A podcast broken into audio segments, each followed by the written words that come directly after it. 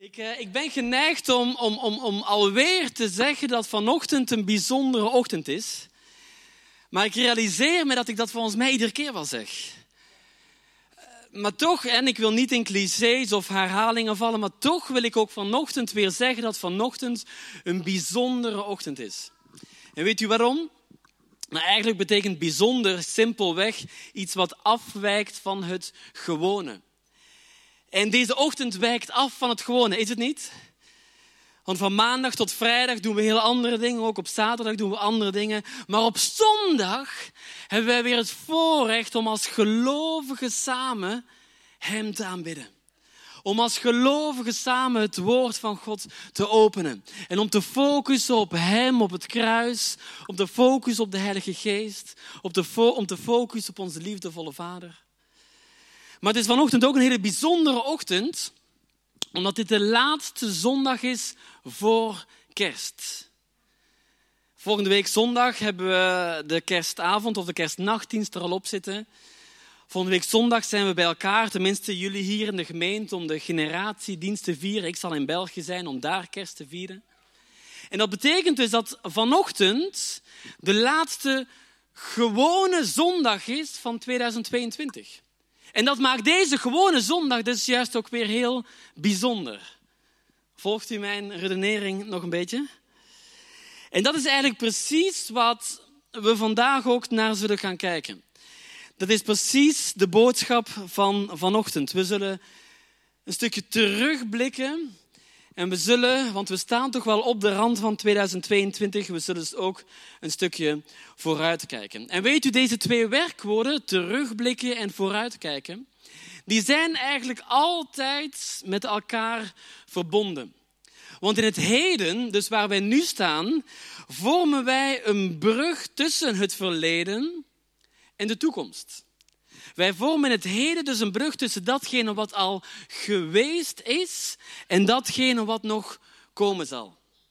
En we leven, zoals u dat wellicht weet, we leven in deze periode wat wij advent noemen. U bent zich daarvan bewust? We leven in de adventsperiode. Een prachtige periode waarin we altijd vooruitkijken naar kerst. Waarin we vooruitkijken naar datgene wat komen zal. Door mijn internationale werk heb ik veel contact met mensen uit andere landen. Afgelopen maand was ik ook twee keer in, in, in Duitsland en daar zag ik hoe men zich in deze kerstperiode voorbereidt op datgene wat komen gaat. In veel landen is de adventsperiode enorm belangrijk.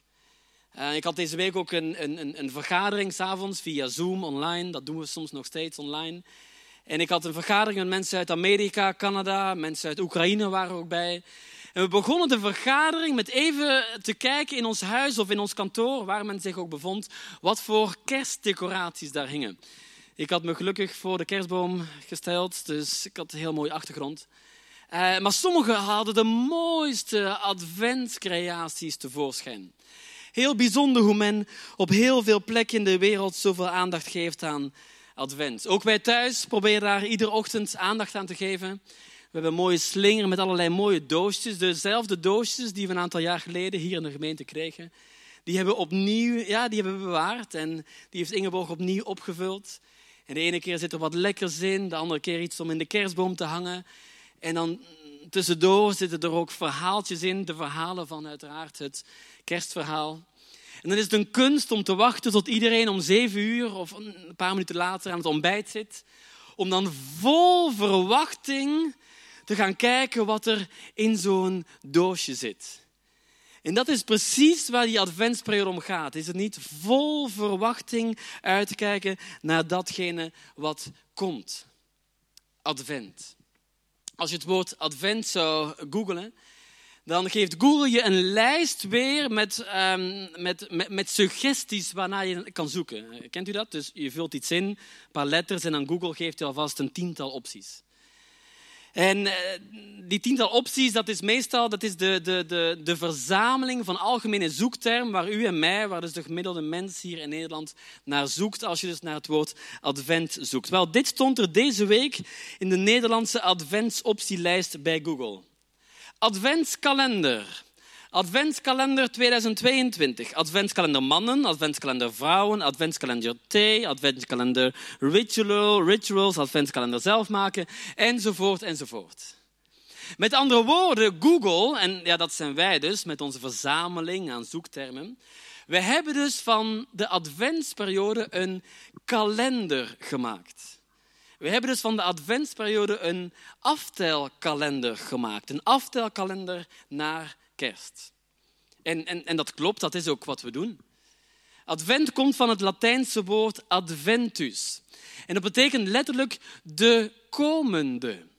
Dat betekent ook God komt naar ons toe. En alleen deze woorden zijn al zo groot en zo speciaal en bijzonder dat we daar misschien even bij stil moeten staan. God komt naar ons toe. Wij bereiden ons in de adventsperiode dus voor op een reis die God heeft gemaakt. Een hele bijzondere reis. Niet alleen een reis van, het, van, van, van, van, van de hemel naar de aarde, maar ook een reis van het volledig zijn van God in de hemel tot het volledig zijn van een mens hier op aarde. En als God naar ons toe komt, dan komt Hij precies naar die plaats waar jij of waar u zich bevindt. Tegenwoordig via WhatsApp kan je je locatie delen en dan kan je ergens naartoe gaan. Maar wij moeten niet ergens naartoe gaan om Jezus te ontmoeten. Nee, Jezus heeft het omgedraaid. Jezus, God, komt precies naar ons toe. Met andere woorden, als wij ons voorbereiden in deze kerstperiode op de komst van Jezus naar deze wereld, dan bereiden wij ons voor op alle aspecten van wie Jezus is. Alle aspecten van zijn natuur, alle aspecten van zijn karakter, alle aspecten van wie Hij is. We bereiden ons voor op het licht dat naar deze wereld komt. Een wereld die gehuld is in duisternis. Daarom steken we in de adventsperiode heel vaak kaarsen aan. Ik denk dat dit de vierde adventszondag is. Hè. Vaak in een traditionelere setting hebben we dan de vierde adventskaars. We bereiden ons ook voor op de hoop die naar deze wereld komt. Een wereld die gehuld is in wanhoop. Jezus komt om hoop te brengen. Jezus komt naar jou toe. En alhoewel ik voor vanochtend nog veel meer te vertellen heb, geloof ik dat dit al een woord is wat sommige mensen onder ons mogen horen. Dat God naar jou toekomt. Ja, hij komt ook naar je buurman. Ja, hij komt ook naar je vriend. Hij komt ook naar de mensen op de eerste rij. Hij komt ook naar de mensen op de achterste rij. Maar hij komt ook naar iedereen ertussenin. God komt naar jou toe. En de Bijbel zegt dat toen God naar ons toe kwam, dat Hij ons gerechtvaardigd heeft door genade en dat we geheiligd worden. Laten we daar even naar kijken. Wij worden gerechtvaardigd, wij zijn gerechtvaardigd door genade en wij worden geheiligd. Heel veel plekken in de Bijbel, van het Nieuwe Testament uiteraard, die praten over rechtvaardiging. Of die praten over, hangt er vanaf welke vertaling we erbij nemen, die praten over zaligmaking of die praten over redding. Als voorbeeld noem ik met u vanochtend Efeze 2, vers 8. In Efeze 2, vers 8 daar staat, want uit genade bent u zalig geworden door het geloof. En dat niet uit u, nee, het is de gave van God. Met andere woorden, rechtvaardiging of zaligmaking of redding, dat betekent dus dat, betekent dus dat, dit, dat dit een daad is van God, van vergeving van de mens. Vergeving van, we zouden kunnen zeggen, de zondaar. Vergeving van u en mij dus. Wij zijn in de ogen van God gerechtvaardigd. Wij zijn in de ogen van God rechtvaardig gemaakt. Hoe kan dat? Dat kan omdat diegene die zonder zonde was, Jezus Christus, ja, naar deze wereld is gekomen. Prachtig dat deze twee dingen naast elkaar staan. Hij is naar deze wereld gekomen. En in die periode zitten we nu, de adventsperiode. En ik wijs naar het stalletje van Bethlehem, voor het geval u niet wist waar ik heen wijs. Maar daarnaast is hij ook gestorven aan het kruis. Dus diegene die zonder zonde was, heeft alle zonde op zich genomen, zodat wij als mens niet meer moeten dealen met de ergste gevolgen van de zonde, namelijk de oneindige dood. Kunnen wij daardoor gered worden? Ja, simpelweg ja. En we hebben het net gelezen, niet door onze eigen werk of uit onze eigen kracht, maar zoals Efeze, zoals Paulus zegt tegen de Efeziërs, alleen maar door het geloof in Jezus en door wat Hij voor ons heeft gedaan. Rechtvaardiging komt dus niet door onze goede werken, maar alleen maar door de gehoorzaamheid van Jezus aan het kruis. En door die gehoorzaamheid heeft hij dus al onze zonden, diegene uit het verleden, diegene uit het heden en diegene uit de toekomst al weggewist. Wij zijn niet langer onderworpen aan de straf die we eigenlijk verdienen. Die eeuwige dood. Waar wij mogen met Hem het eeuwige leven leven. Is het niet een geweldige belofte? Prachtig hoe we dat zongen. Heilige Geest van God, vul opnieuw ons hart. En daarna zongen we, denk ik, u wast mij witter dan sneeuw. Wauw, wat een mooie belofte. Maar aan die andere kant van rechtvaardiging staat dit woord of dit concept heiliging.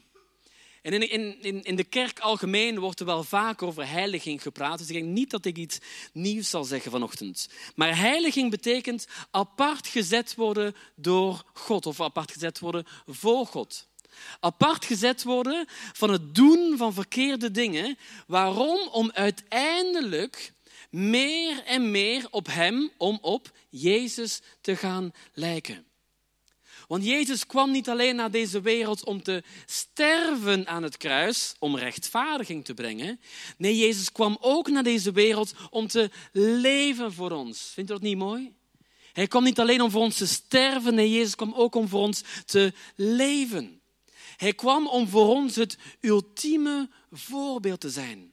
Hij kwam om te laten zien hoe wij ons leven mogen leven. Hoe wij omgaan met broeders en zusters, hoe wij werken, hoe wij ouders hebben, hoe we zelf kinderen zijn, hoe we in het leven staan. Hoe we, wat heb ik nog allemaal opgeschreven? Hoe we emoties hebben. Oh, Jezus had emoties. Ja, Jezus was soms gefrustreerd. Jezus huilde. Hoe we omgaan met gevoelens. Jezus liet het allemaal zien. Dus ook al zijn wij als zondaars al vergeven, er kunnen nog steeds dingen tussen God en ons instaan. En dat is het proces van heiliging wat we noemen. En het proces van heiliging is een proces dat continu doorgaat. Soms zou ik wel eens kunnen denken, stopt het ook eens? Maar nee, dat is een proces wat continu doorgaat. Een proces waarbij de Heilige Geest, we hebben hem net uitgenodigd om opnieuw ons leven te vervullen. Een proces waarbij de Heilige Geest ons helpt om steeds meer en meer op Jezus te lijken. Rechtvaardiging heeft één keer plaatsgevonden aan het kruis, toen Jezus voor onze zonde stierf. Iets wat buiten ons als mens omging. Maar heiliging is een proces dat steeds weer doorgaat binnen in ons. En als discipelen van Jezus, en dat zijn wij allemaal, dat zijn niet alleen maar zijn twaalf discipelen in de tijd van de Bijbel. Nee, als discipelen van Jezus, als volgelingen van Jezus, worden we dus aangespoord om continu te blijven dealen met die dingen die tussen God en ons instaan. En ik geloof dat het best makkelijk kan zijn om ons leven gewoon door te blijven leven. Maar ik geloof ook dat het ontzettend belangrijk is om momenten zoals vanochtend te nemen waarin we, we hebben het gezongen, de Heilige Geest uitnodigen. Maar de Heilige Geest is, zegt de Bijbel, een trooster. Hij is altijd bij ons. Maar hij is ook diegene die ons overtuigt van zonde. Die ons overtuigt van ongerechtigheden. Dus ook vanochtend zullen we de tijd nemen om de Heilige Geest uit te nodigen. Om onze harten en onze gedachten te inspecteren. In mijn voorbereiding en mijn gebed de afgelopen week kwam heel sterk het woord verzoening naar boven. En, en dat heb ik dus in het thema van deze ochtend. Zometeen noem ik de titel die ik aan deze preek heb gegeven. Want als ik het heb over verzoening, dan heb ik het over dingen die bij het oude horen. Maar ook over dingen die we dus mogen af, af, afstaan, aflaten, uh, die we mogen laten liggen, voordat we weer het Afleggen, dat is het woord, bedankt Peter. Het afleggen, ja. Dan heb ik het dus over afleggen, die dingen die bij het oude horen, voordat wij het nieuwe instappen. Want dit is de titel die ik aan deze preek en deze ochtend heb gegeven. Ready, reset, go. En dat is geen grammaticaal foutje of geen schrijffoutje van mij toen ik heel snel aan het typen was, uh, zodat het op tijd in de infomail kwam. Nee, hier heb ik over nagedacht. Ready, reset, go. En ik heb daar helemaal niet over nagedacht. Dat kwam plots op één moment komt dat binnen. En dat heb ik toen aan Ina gemaild. Bedankt Ina voor je trouwe werk dat je altijd doet. Ready, reset, go. Normaal gezien, als we uh, uh, een wedstrijd lopen, heb ik nog nooit gedaan in mijn leven, maar stel we zouden een wedstrijd lopen, dan, dan wordt er dus gezegd ready, set, go. Hè? Um, ik weet niet hoe dat in het Nederlands zou zijn, maar dan sta je dus, of zit je soort van klaar, geen idee wat die allemaal doen. En dan zit je zo in een soort vormpje met je schoenen. En dan bij set gaan ze volgens mij zo staan. En dan go, en dan gaan ze. En als er nog wat hordes zijn, dan moeten ze ook overheen springen met zo'n zo. Maar voor vanochtend heb ik de titel gegeven Ready, Reset, Go. Dus eerst het woord ready. Zijn we klaar? Want we zitten, zoals ik al zei, op het einde van 2022. Maar dan dat woordje reset. Voor degenen die uh, mijn leeftijd hebben en waarschijnlijk iets ouder, de jonge generatie niet meer, maar die zijn net allemaal vertrokken, zag ik. Um, kennen we nog die drie knoppen op ons toetsenbord waarbij we goed konden resetten? Ctrl-Alt-Delete. De meest magische knoppen van je toetsenbord. Ctrl-Alt-Delete. Tegenwoordig niet meer nodig. Dingen, ja, dat gaat niet meer. Maar Ctrl-Alt-Delete. Reset. En dan konden we weer opnieuw beginnen. Want dat is eigenlijk wat het woordje reset betekent. Opnieuw beginnen. Opnieuw starten met een schone lei. Verzoening.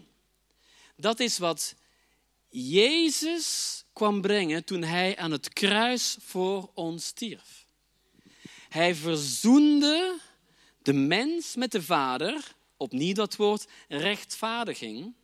Maar hij hielp ons als mens ook, uiteindelijk door zijn Heilige Geest, om ons als mens met elkaar te verzoenen. En dat komen we weer bij dat woord heiliging. Kent u het verhaal van de vossen?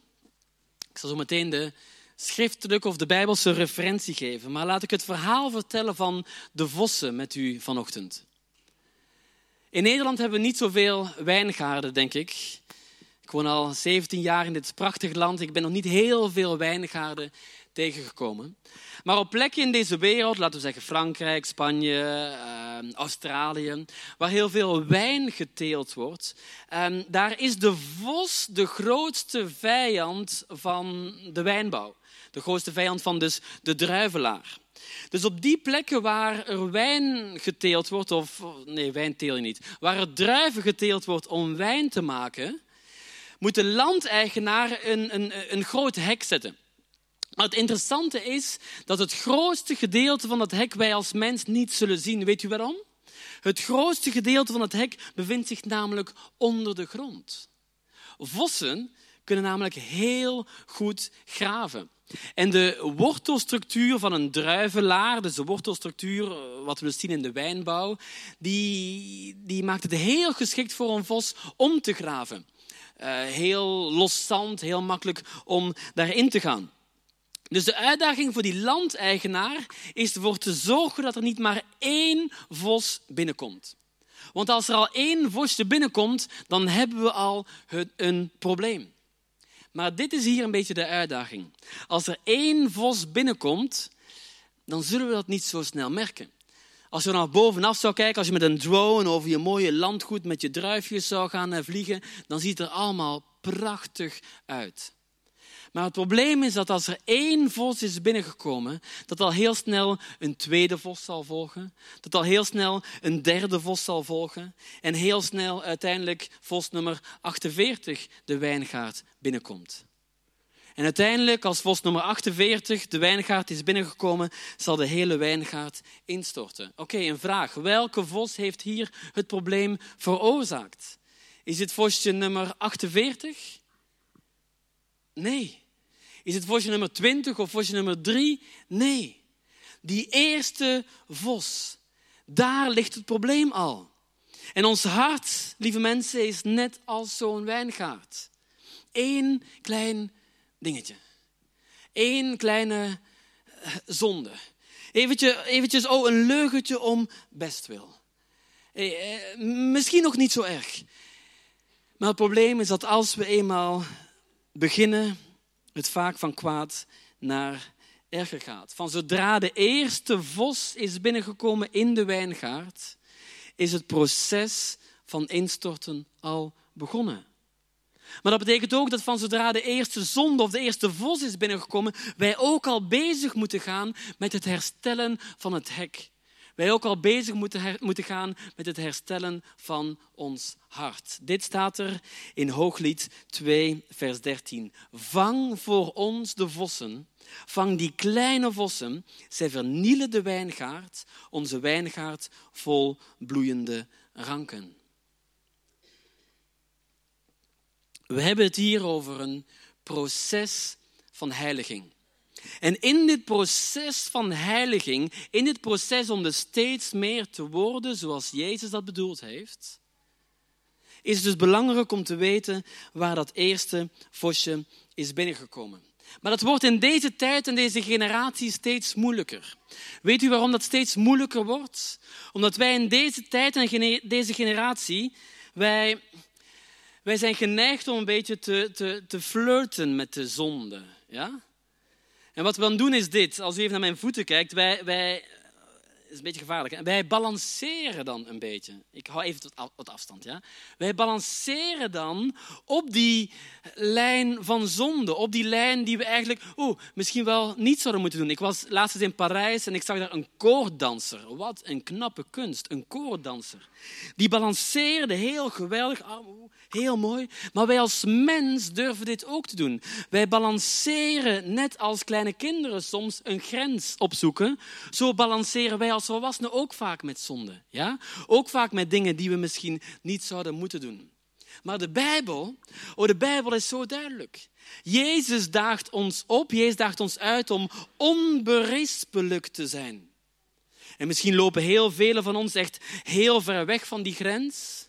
Maar het zou ook kunnen dat u uzelf misschien wel herkent en dat je denkt, oh ja, ja ik balanceer wel een beetje op dat lijntje. En dan is het heel moeilijk om die balans steeds te vinden. De ene keer schieten we uit naar de veilige kant en de andere keer schieten we uit naar de niet zo veilige kant. Het is de laatste gewone zondag van 2022. En dat maakt het opnieuw heel bijzonder. Wij staan op een soort brug, zei ik eerder al. Wij staan op een schakelpunt tussen wat geweest is en datgene wat komen zal, de toekomst. Ready, reset, go.